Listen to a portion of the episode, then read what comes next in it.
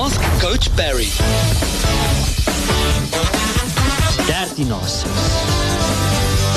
Coach Lindsey Parry on the line. Coach, uh, worked it out. The times are ready. Everything's ready. Now we just need to pitch up and do the marathon. Yep, you and uh, you and uh, many thousand people are going to be lining up at Acacia and at Johnson Crane this weekend, all hoping to qualify. So it's a very exciting weekend in the Comrades universe. Coach, so let's talk about this. Uh, all right, so basically, I mean, the kilos has been done. There's nothing more you can do. We've been we've been in a tapering phase this week, slowing it down a bit, resting tomorrow, getting the sleep in tonight. And what is supposed to happen before the race? Let's say from tomorrow onwards, before you line up at the the, the, the starting line. What should happen? And, and especially, let's talk about the meals and everything like that, Coach. Yeah, so look, that's actually what I mainly wanted to talk about. I know Arnie is there in the studio and he'll probably disagree with me. um, but, you know, carbo loading is something that you can definitely overdo, especially if your stomach isn't used to that uh, um, heavy load of carbohydrates. And Ruben, one of the things you would have noticed this week is that I gave you much less training to do this week. Yeah. But I bet you, I bet you you didn't eat less this week. No, You no, not at all. Exactly. So for me, for me, there's already some excess built in. So if you're eating a pretty good diet already, then in these three days leading into the race, you are going to be getting a little bit more than you need. Um, so I'm not big on carbo loading. You know, in, if you really stuff your face with pastas and potatoes and extra energy drinks, you can easily put on two, two and a half kilograms in a week, um, leading into a race. And you know, law of, the law of physics doesn't work well. So I'm not big on carbo loading. Um, and the other thing, the other thing that I don't like about carbo loading is that most of us don't stuff our faces with pasta the night before anything. Mm. So if you normally eat pasta, if that's your normal meal, then absolutely go for it. But I really think that it's so important that going into a race, you shouldn't do anything new, and that includes the food that you eat. So try and stick to the same type of foods if you eat. And if you're eating a lot of fresh vegetables and meat and chicken and fish and that sort of thing, then that's the stuff that you want to eat the night before. If you are a, a big pasta eater, then that's fine. You chow pasta. But really, the, the, the, the, the message for me is that in these last two to three days, you don't want to change a lot. Hmm. Stick to the things that you know. Lindsey, I completely agree with you. With all the years that uh, I've been doing this, I, I, it also struck me uh, maybe 15 or 20 odd years ago.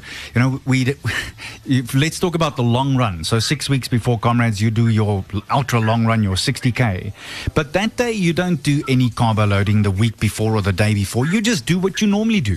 When you go and run a long run on a Sunday morning, whether it's a 32 or a 42 or a 56, you don't do anything out of the ordinary. And then all of a sudden, the two or three days before your comrades race or your two oceans, now you want to change your eating habits. I've never been able to understand that. If you are going to do the Saltin diet, that's all good and well, but you need to experiment with that before the time on a hmm. normal, good old long Sunday run and play around with these things and find out what works. So I completely agree with you. I think we go a bit haywire when it comes to running races. Now all of a sudden you change everything. If you're going to stick to everything that you know, that should include food. Exactly. That's that's exactly it. And then as I as I was listening in the background there, Ruben, I heard you and um, Arnold having a little chat there about the nerves and, and getting to the race very early. Yeah, actually, Um, Lindsey, and so please could you talk to Ruben? He's holding my hand while we're on air, and his nails are hurting my palms. I mean, it's it's all sweaty. Okay, it's embarrassing. so the thing that I really want to say is that you're not alone, and everybody is nervous. Yeah. But and and the thing about people who are nervous, think back to to high school and university, just before your exam. If anybody asks you a question, even if you knew the work, you were so nervous you couldn't remember the answer.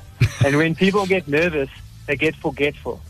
So now on Thursday, Friday night, you know, or Friday afternoon, when you're not so nervous, make a list of everything that you need on race day: your plasters, your running socks, your shoes. Hmm. If there's a timing chip needed for your race, your race kit, Vaseline, suntan lotion, your energy gels, anything that you are gonna that you have been using in training that you are going to be using in the race. Make a list while you are still compos mentis. Lay that out the night before so that you're not running around the house looking for one shoe or any hmm. any drama like that. You can wake up, all your stuff is neatly packed in a pile, and then you tick your list as you put that stuff on. You know, I've been doing this for a long, long time, and on, on Saturday, when I got to the 14k mark on our 32k loop, and I wanted to get a gel, there was no gel because I'd left it in the car. Yeah. So these things, these things happen.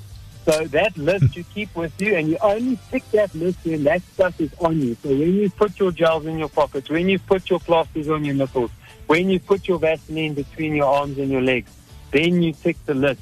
That way you don't have to think and you don't have to remember anything. You just follow your list. There we go. Lindsey, about uh, all my third last comrades, uh, I got to the start and then I realized that I had no microchip. Ish. Yeah. So uh, that that is embarrassing. I mean, it's now it's 40 years or 30 years of running comrades, and all of a sudden, so I had to go and get one. And guess what they gave me at the comrades aches and pains party? A packet of Simba chips. No, no, a packet of Simba Ah, chips. remember Just so you chips. remember your chips. Okay, very funny. Right, coach, thank you so much. A last word, coach, from you uh, as the official Comrades coach, just to say for the first time, uh, marathon runners and wanting to qualify at either one of the two races this weekend at Acacia or at Johnson's Crane, one last word of, of advice, especially during the race. Very simple. Plan your race, and on race day, race your plan. Stick to your plan. Stay calm. Don't do anything out of the ordinary. There we go. Coach, thank you so much. I will keep you posted as soon as I come in from the 42, and we'll chat to you again next week. Lindsay Perry, baie dankie. Dit is die amptelike Comrades afrigter en uh, jy kan hom gerus gaan Google hier's. uh, Dis 'n man wat alself uh, 248 vir die maraton gehardloop het. Hy ken sy storie. Hy weet presies hoe om dit uh, te doen Ja. en uh, dit is beslis die moeite werd.